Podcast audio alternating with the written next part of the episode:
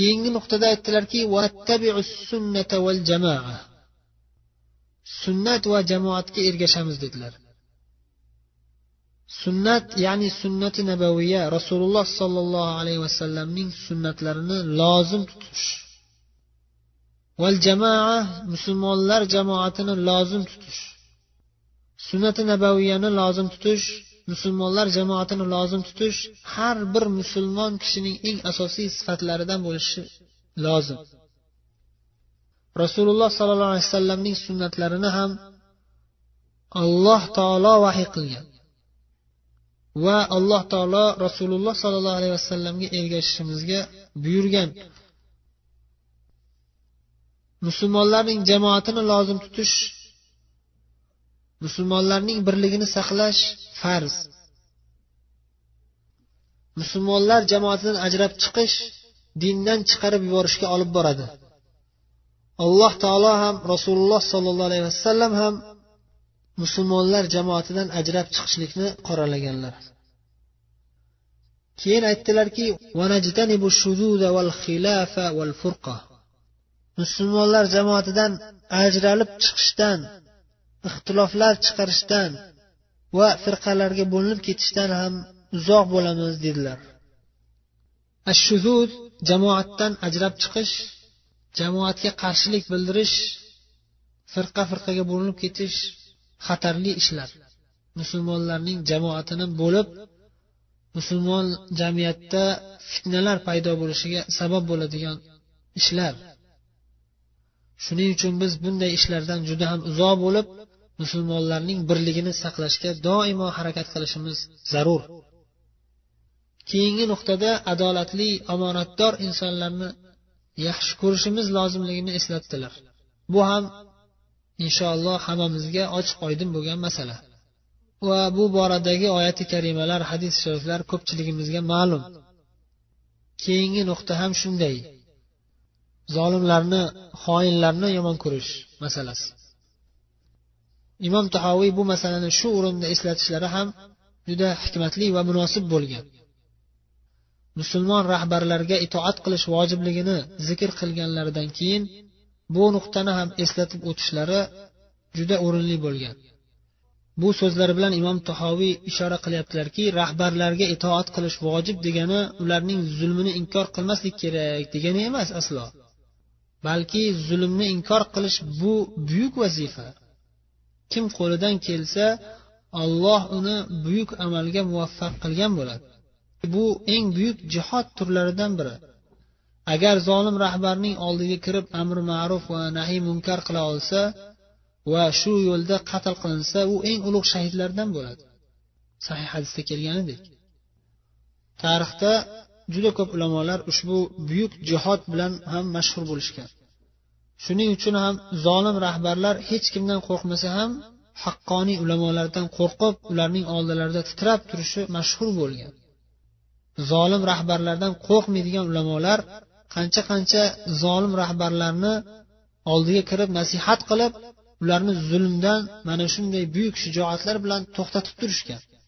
Shu o'rinda biz endi munosabat kelganda rahbarlarga nasihat qilish bosqichlari haqida ham suhbatlashsak. Rahbarga nasihat qilishda bir necha bosqichlardan o'tish lozim. Avvalgi bosqichlar foyda bersa keyingi bosqichga o'tish kerak bo'lmaydi. Birinchi bosqich oldiga kirib maxfiy suratda nasihat qilish. Bu bosqich hali zulmi tug'yoni haddan oshmagan rahbarlarga nisbatan qo'llaniladi. Toki u bunday rahbar o'zining xatolaridan obro'si bor holatida tavba qilishi oson bo'lishi uchun. Chunki insonni izzati nafsi xatosini ochiq oydin gapirilganda ko'tarolmay qoladi. Ayniqsa rahbarlar. Mana shu tomondan rioya qilish bu shariatda bor narsa. Bu narsa foyda bermasachi maxfiy nasihat qilib obro'sini saqlab gapirilsa ham foyda bermasa ikkinchi holatga o'tiladi. Oldiga kirish imkoni bo'lmagan odamlar yoki oldiga kirish juda xatarli bo'lsa maktub yo'llash uslubini qo'llash kerak. Rahbarlarga maxsus va maxfiy maktublar yo'llab nasihat qilish kerak. Bu ham foyda bermagandan keyin uchinchi bosqichga o'tiladi. Uchinchi bosqich ochiqchasiga maktub yo'llash mumkin. Albatta shirin so'zlar bilan nasihat qilib ochiq maktub yo'llash mumkin. Bu ham foyda bermasa yana sal qattiqroq uslubda nasihat qilib maktub yo'llash mumkin. To'rtinchi yoki beshinchi bosqichda ommaviy axborotlar vositasi orqali chiqish qilib nasihat qilinadi. Islom tarixida ommaviy axborot vositalar bo'lmagan bo'lsa ham lekin uni o'rni o'rnini bosadigan narsalar bo'lgan. Eng asosiylaridan biri juma xutbalari bo'lgan. Ulamolar juma xutbalarida davlat rahbarlariga qattiq qattiq nasihatlar qilishardi. Bu albatta juda ham katta ta'sirini ko'rsatardi. Rahbarlar mana shunday ulamolardan qattiq qo'rqib zulmni to'xtatishga majbur bo'lardi. Bu narsa tarixda mashhur sahobiylarning davrlaridan boshlab hozirgi davrimizgacha. Buyuk ulamolar shijoatli ulamolar minbarlardan turib rahbarlarga hokimlarga qattiq qattiq nasihatlar qilib kelishgan. Va buning ijobiy foydalari juda ham ko'p bo'lgan. Lekin bu bosqichda ham ba'zi bir zolim rahbarlar ta'sirlanmasligi ma'lum. Bular bilan qanday muomala qilinadi? Bunday zolim zulmidan qaytmaydigan butun xalqni qurbon qilishga tayyor bo'lgan rahbarlar bilan murosa yo'li qolmaydi.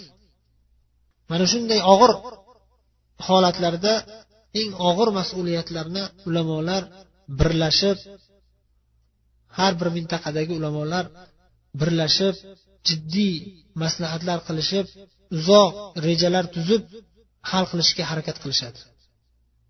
Bunday holatlarda o'zi tabiiy suratda bunday zolim rahbarlarga qurol ko'tarib chiqqan toifalar bo'ladi.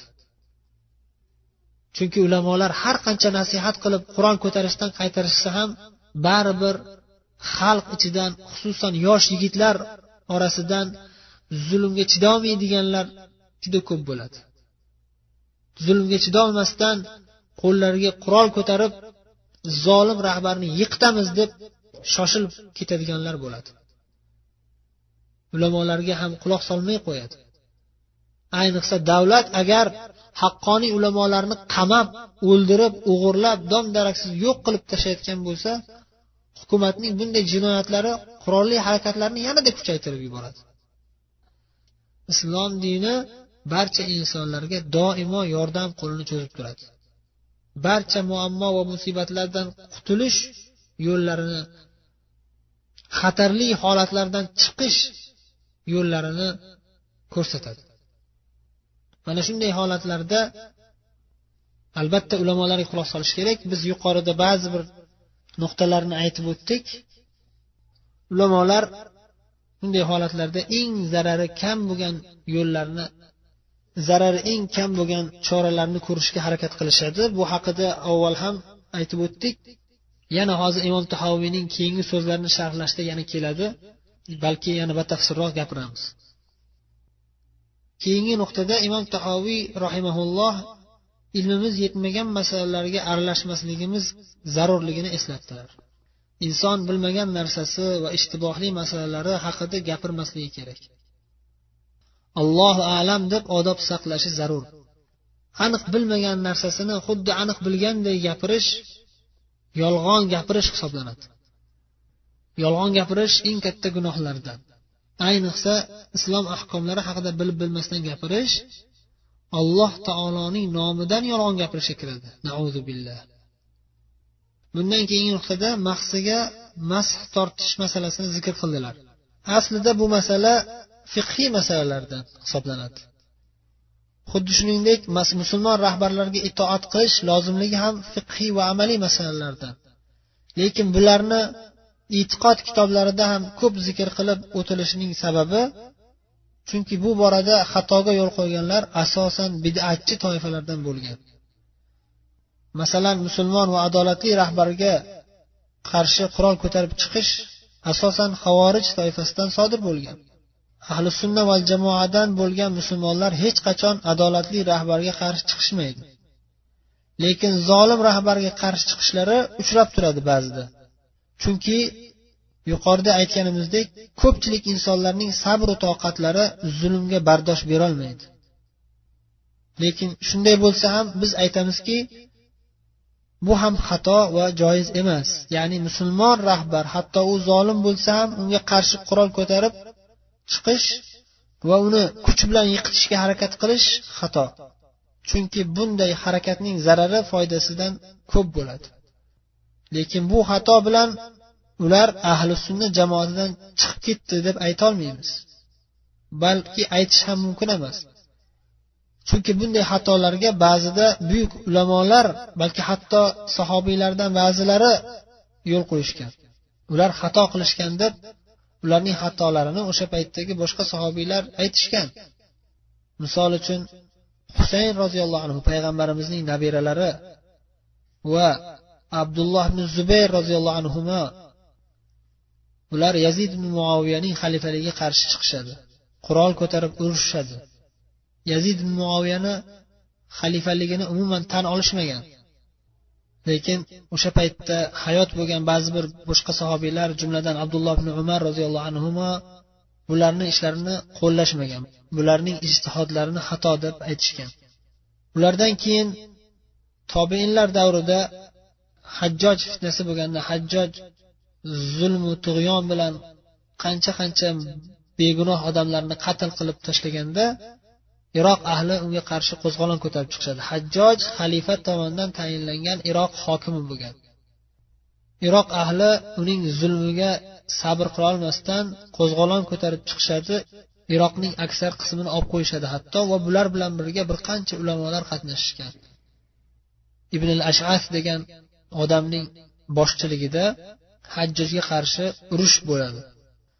Hajjojga qarshi qo'zg'olon ko'tarib urush qilishadi va bu ibn al ashas tarafida buyuk allomalardan buyuk tobeinlardan said ibn jubayr bo'ladilar yana boshqa bir qancha tobeinlar bo'lishadi. Lekin o'sha paytdagi tobeinlardan bo'lgan aksariyat ulamolar bu narsani xato deb aytishadi. Bu ishtihod xato bo'lgan deyishadi. Jumladan hasan basriy rahimaulloh va boshqa bir qancha buyuk tobeinlar said ibn jubayr rahimaullohning va u kishi bilan birga bo'lgan boshqa ulamolar va boshqa xalq qo'zg'olon ko'tarib chiqqan xalqning ra'yi xato bo'lgan deb aytishgan va qaytarishgan bu yo'ldan. Lekin biz bu yerda xulosasini aytamizki bu albatta ijtihodiy masala va juda xatarli masala. Mana shu tarixiy voqealardan keyin ahli sunna ulamolari zolim rahbarlarga qarshi qo'zg'olon ko'tarib chiqqanlarning harakatlari zarari ko'p bo'lganligidan keyin aqida kitoblarida alohida ta'kidlashga odatlanishgan. Zolim rahbar modomiki musulmon ekan unga qarshi qo'zg'olon ko'tarib chiqish qurol ko'tarish jang qilish harom deb aytishgan. Ammo amri ma'ruf nahi munkar bu albatta farz. Qo'lidan kelgan qodir bo'lgan odamlarga xususan ulamolarga farz. Amri ma'rufning ham bosqichlari bor. Yuqorida aytib o'tganimizdek ana shu bosqichlarni rioya qilish kerak. Mahsiga masx tortish masalasini ham e'tiqod kitoblariga kiritishadi chunki bu masalada faqatgina rofizalar shialar qarshi chiqqan shia deb aytiladigan aslida ularni rofizalar deyish to'g'riroq bo'ladi. Rofizalar qur'oni karim oyatini noto'g'ri tushunib olib yangi bidat paydo qilishgan. Mahsiga masx tortish mumkin emas oyoqqa masx tortish kerak degan bidatni paydo qilishgan. Bu davo shak shubhasiz botil davo mahsiga masx tortish mutavotir hadislarda sobit bo'lgan. Oyoqqa masx tortish esa umuman harom. Oyoqqa mas tortish ya'ni oyoqni yumaslik. Bunday tahorat tahoratga o'tmaydi. Mahsiga masx tortish ahkomlarini fiqh darslarida fiqh darslarida batafsil bayon qilinadi.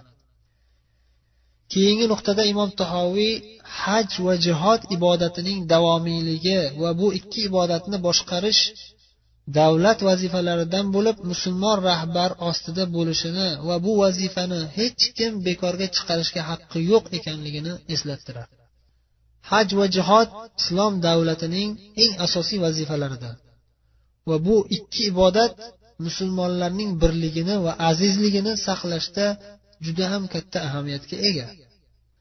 Agar haj yoki jihod payti musulmonlarni boshqarayotgan rahbar fosiq rahbar bo'lsa shuni bahona qilib jihodga qarshi bo'lish yoki hajga qarshi bo'lish aslo joiz emas. Modomiki musulmon rahbar ekan fosiqu zolim bo'lsa ham haj va jihod to'xtab qolmasligi shart. Nafaqat ushbu ikki ibodat balki barcha xayrli va shar'iy amallar davom etishi kerak. Fosiqlarning fisqi o'ziga zarar. Xayrli ish esa to'xtab qolishi hammaga zarar. Xayrli ishlardan bunday bahonalar bilan qochish aslo joiz emas. Bu so'zlari bilan imom tahoviy adashgan toifalardan yana rofizalar va havorijlarga raddiya beryaptilar. Rofizalar sirdobga kirib ketganligini davo qilishadigan imomlari chiqmagunga qadar jihod ham haj ham hatto jamoat namozlari ham amalga oshirilmasligi kerak degan bidatni paydo qilishgan. Sirdobga kirib ketgan imomlarning o'zi bir afsona tarixiy jihatdan sobit bo'lmagan tug'ilmagan vujudga kelmagan bir shaxs. Ana shu vujudga kelmagan imomlarini qiyomatga yaqin sirdobdan chiqadilar. Va musulmonlarni boshqaradilar degan xurofotlar ichida yashab yurishadi bir necha yuz yillardan beri. Keyin oxirgi paytlar ularning ichidan ba'zi siyosatdonlari chiqib bu xurofiy e'tiqod orqasida yuraversak hamma narsadan qolib ketaverar ekanmiz e'tiqodimizga islohotlar kiritib o'zimizga bir davlat qurib olmasak bo'lmaydi deb mahdiyning vakili olim kishi viloyatil faqih degan bidatni topib chiqishdi. Va shu bidat asosida o'zlariga davlat ham qurib olishdi. Rofizalarning islom olamiga nisbatan juda ham qattiq adovati bor va ular siyosiy o'yinni ustalik bilan olib borishyapti. Alloh azza va jalla ularning barcha yomonliklaridan islom va musulmonlarni asrasin. Ahli sunna va jamoa bilan rofizalarning o'rtalaridagi ixtilof faqatgina bitta ikkita masalada emas. Rofizalarning e'tiborli manbalarida juda ham xavfli va katta kufri akbar bo'lgan shirkiy e'tiqodlar yozilgan. Ularning eng xatarli e'tiqodlaridan ba'zilarini zikr qilib o'tamiz toki ehtiyot bo'lishimiz uchun. Rofizalar e'tiqodi bo'yicha birinchidan qur'oni karimning aksar qismi fotima onamiz va ali roziyallohu anhuning avlodlarida maxfiy saqlanib keladi. Butun islom olami o'qib yurgan bu qur'on noqis kam deb davo qilishadi bu e'tiqodda bo'lgan insonlar shak shubhasiz kofir bo'ladi. Islom shariati manbalari salomat saqlanishligi bu alloh taoloning va'dasi bilan qiyomatga qadar davom etadi. Ikkinchi kufriy e'tiqodlari rofizalar o'zlarining imomlarini xususan ali va husaynni juda ham muqaddaslashtirib yuborishgan. Hatto allohga shirk keltirib ulardan madad so'rash joiz balki shart deb e'tiqod qilishadi hatto. Bu e'tiqod ham islomdan butunlay chiqarib tashlaydi. Allohdan boshqa hech kimga iltijo qilish mumkin emas. Allohdan boshqalarga iltijo qilish shirki akbar. Uchinchi kufriy e'tiqodlari sahobiy kiromlarning aksariyatlarini xususan eng ulug' sahobiylar abu bakr umar oysha onamiz hafsa onamiz va boshqa juda ham ko'pdan ko'p sahobiylarni bular kofiru murtad deb e'tiqod qilishadi. Oysha onamizni esa hatto zinokor deb tuhmat qilishadi. Nauzu billah. Nauzu billah. Bu e'tiqodni ham kufr akbar ekanligida shubha yo'q. Chunki bu e'tiqod bilan rofizalar qur'oni sunnatni yolg'onga chiqargan bo'ladi. Alloh taolo oysha onamizni pok ekanliklarini e'lon qilib qiyomatga qadar tilovat qilinadigan o'nta oyati kalima nozil qilgan. Rofizalarning eng xatarli e'tiqodlaridan yana biri ular ahli sunna val jamoani nosibiylar deb nomlashadi. Shialarga nasihat qilib ba'zi kitoblarda yozishadiki imkon topgan joyingda shialarga zarar bo'lmaydigan hol bo'lsa qatl qila olsang nosibiylarni qatl qilsang juda ham buyuk savobli ish qilgan bo'lasan deb e'tiqod qilishadi. Billah. Nosibiylar deb abu bakr va umarni kofir demagan odamlarni hammasini bular nosibiy deb aytishadi. Ya'ni nosibiy degani nasabal ada ali ali. Aliga dushmanlikni tiklagan degani. Ya'ni aliga dushman degani. Abu bakr va umar roziyallohu anhularni musulmon desa aliga dushman bo'lib qolar ekan. Ular shunday e'tiqodda. Ali roziyallohu anhu buyuk sahobiy shak shubhasiz. Va ali roziyallohu anhu ham va u kishining avlodlari ham abu bakr va umar roziyallohu anhular bilan qarindosh bo'lishib bir birlarining o'g'illariga qizlarini berishgan. Shu darajada bir birlariga yaqin bo'lishgan. Rofizalarning boshqa yana ko'pdan ko'p kufriy va shirkiy e'tiqodlari bor. Ularni boshqa o'rinlarda inshaalloh o'rni kelganda bayon qilinadi havorijlar toifasiga kelsak ular ahli sunnaga asosan ikkita masalada qarshi bo'lishgan. Katta gunohlarni qilgan musulmonlarni kofirga chiqarib yuborish masalasida birinchisi. Ikkinchisi musulmon va hatto adolatli rahbar agar fosiq bo'lsa ya'ni ba'zi bir gunoh ishlarni harom ishlarni qiladigan bo'lsa uni darhol kofirga chiqarib unga qarshi jang qilishadi. Havorijlar havorijlarning e'tiqodi bo'yicha agar rahbar fosiq yoki zolim bo'lsa u kofiru murtadga aylanadi. Uning boshchiligida hech qanday ishga kirishish mumkin emas hatto jihodga ham kirish mumkin emas hatto hajga ham borish mumkin emas. Zolim rahbar ostida. Balki uni qatl qilishimiz kerak. Hukumatini yiqitishimiz kerak. Hatto bu rahbarga itoat qilib yurgan odamlar ham kofir bo'lib qoladi deyishadi.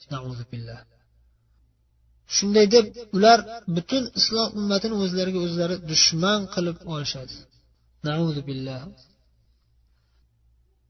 Ahli sunna val jamoa esa doimo haq yo'lni o'rta yo'lni qur'oni sunnat va ijmoal umma islom ummati ittifoq qilgan masalalarni lozim tutadilar.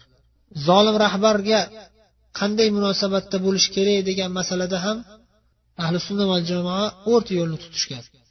Birinchidan zolim rahbar modomiki qur'oni sunnat hukmini e'tirof etib shariatni tatbiq qilayotgan ekan kufri akbar bo'lgan ochiq kufriy ishlarni qilmayotgan ekan ba'zi o'rinlarda qilib qo'yayotgan zulmi va fosiqligi sababli uni kofirga chiqarish va unga qarshi urush e'lon qilish joiz emas. Bu harom. Ikkinchidan unga qarshi chiqishdan oldin nasihat qilib harom ishlaridan qaytarishimiz kerak. Agar nasihatlarimizga quloq solmasa ham biz nasihatlarimizni sobit qadam turib tinch yo'llar bilan isloh qilishga harakat qilishda davom etishimiz kerak. Uchinchidan unga qarshi chiqish juda ham katta zararlarga qonli oqibatlarga olib borishi ma'lum. Shunday ekan katta zarar va fitnadan ummatimizni saqlashimiz uchun kichkinaroq zarar zulmga sabr qilib turamiz va nasihatlarimizda amru ma'ruf nahiy munkarlarimizda davom etamiz. Ummatimizni isloh qilishda yanada ko'proq harakat qilamiz. Chunki ummat agar bir ovozdan islom dinini mahkam ushlab tursa har qanaqa rahbar baribir xalqqa butunlay qarshi chiqolmaydi xalq baribir qoladi davom etadi rahbarlar baribir ketadi yo'qoladi. Xohlasayu xohlamasa musulmon xalqning talabiga itoat qilishga majbur bo'ladi. Lekin musulmon xalq haqiqiy musulmon bo'lib dinida mustahkam turishi kerak. Ana shunda rahbarlar ham majbur islomda mustahkam bo'ladi. Bu so'zlar yuqorida aytganimizdek musulmon rahbar va islom davlati haqida aytilyapti. Islom dushmanlari va qonxo'r tizimlar haqida emas. Qonxo'r rahbarlar boshqarayotgan davlatdagi musulmonlarning ahvoli siyosiy jihatdan xuddi makka davridagi musulmonlarning ahvoliga o'xshab ketadi. Va ularning holatlarini ulamolar zarurat ahkomlari ostida bayon qilishadi. Siyosiy jihatdan makka davridagi musulmonlarning ahvoliga o'xshab ketadi deb aytishimizning sababi chunki shar'iy ahkomlar masalasida makka davri madina davri deb ajratilmaydi aslo. Shar'iy ahkomlar qiyomatgacha o'zgarmasligiga barcha ulamolar ittifoq qilishgan. Bunda shak shubha yo'q. Ammo siyosiy masalalarda vaziyatga qarab ish tutilishi lozimligini ulamolar bayon qilishadi.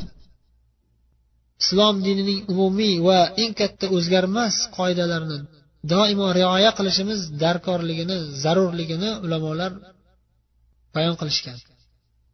Shunga binoan aytyapmizki islom dushmanlari boshqarayotgan davlatlardagi musulmonlar majbur bo'lib qolishgan o'rinlarda kofirlarning insofli tashkilotlaridan yordam so'rab o'zlarining haq huquqlarini talab qilib undirib olishga harakat qilishlari joiz balki vojib farz bo'ladi ba'zi o'rinlarda. Zaruriy holat tug'ilganda musulmonlar kofirlardan yordam so'rashlari joizligiga ulamolar bir qancha dalillarni zikr qilishgan shulardan ikkitasini zikr qilish bilan kifoyalanamiz. Birinchisi rasululloh sollallohu alayhi vasallam makka davrida toif shahridan qaytib kelayotganlarida makkaga kirishlaridan oldin makka mushriklarining zulmidan o'zlarini himoya qilishlari uchun makka ahli hurmat qiladigan va insofli deb bilingan mushrik insofli rahm shafqatli deb bilingan bir mushrik mutim ibn adiydan yordam so'raydilar. Himoya qilishini so'raydilar. Mutim ibn adiy payg'ambarimiz sollallohu alayhi vasallamni o'z himoyasiga olib makkaga olib kiradi. Yana bir dalil habashistonga bo'lgan sahobiy ikromlarning hijratlari. Payg'ambarimiz sollallohu alayhi vasallam makkada qiynoqqa tutilib islomdan chiqishga majbur qilinayotgan sahobiylarni habashistonga hijrat qilishga targ'ib qiladilar. Vaholanki habashiston o'sha payt nasroniy mamlakat bo'lgan. Podshohi najoshiy ham nasroniy bo'lgan. Lekin insofli va adolatli inson bo'lgan. Shuning uchun ham ana shu davlatga hijrat qilishga payg'ambarimiz sollallohu alayhi vasallam sahobiylarni targ'ib qilganlar. Sahobiylar u yerga hijrat qilib borishgandan keyin najoshiy hatto islomni qabul qiladi. Bugungi kunda dunyoning juda ham ko'p yerlarida mazlum musulmonlar xuddi shunday ahvolda qolishgan. O'zlarining musulmon diyorlarida islomga dushman bo'lgan qonxo'r rahbarlar odamlarni qirg'inbarot qilib tashlayotgan payt kofirlarning ba'zi bir insofli tashkilotlari ularga yordam qo'lini cho'zyapti. Mazlum musulmonlar albatta bundan foydalanib dinlarini va jonlarini salomat saqlashga harakat qilishlari kerak va bu narsaga insoniy jihatdan shak shubhasiz haq huquqlari bor. Shu bilan bir qatorda vatanlarini bosib olgan islom dushmanlaridan o'z xalqlarini qanday qilib ozod qilish yo'llarini topishga harakat qilishlari va faqatgina o'zlarini o'ylab o'tiravermasdan vatanda qolgan mazlumlarning ham haq huquqini o'ylash kerak. Bu borada haqqoniy ulamolar bilan va siyosatni yaxshi bilgan tushungan insofli insonlar bilan maslahatlashib jiddiy choralar ko'rishliklari lozim. bu mavzuni yanada batafsilroq bayon qilishimiz kerak aslida ammo hozircha shu bilan kifoyalanib turamiz والله أعلم وصلى الله وسلم وبارك على نبينا محمد وعلى آله وصحبه أجمعين ومن تبعهم بإحسان إلى يوم الدين والسلام عليكم ورحمة الله وبركاته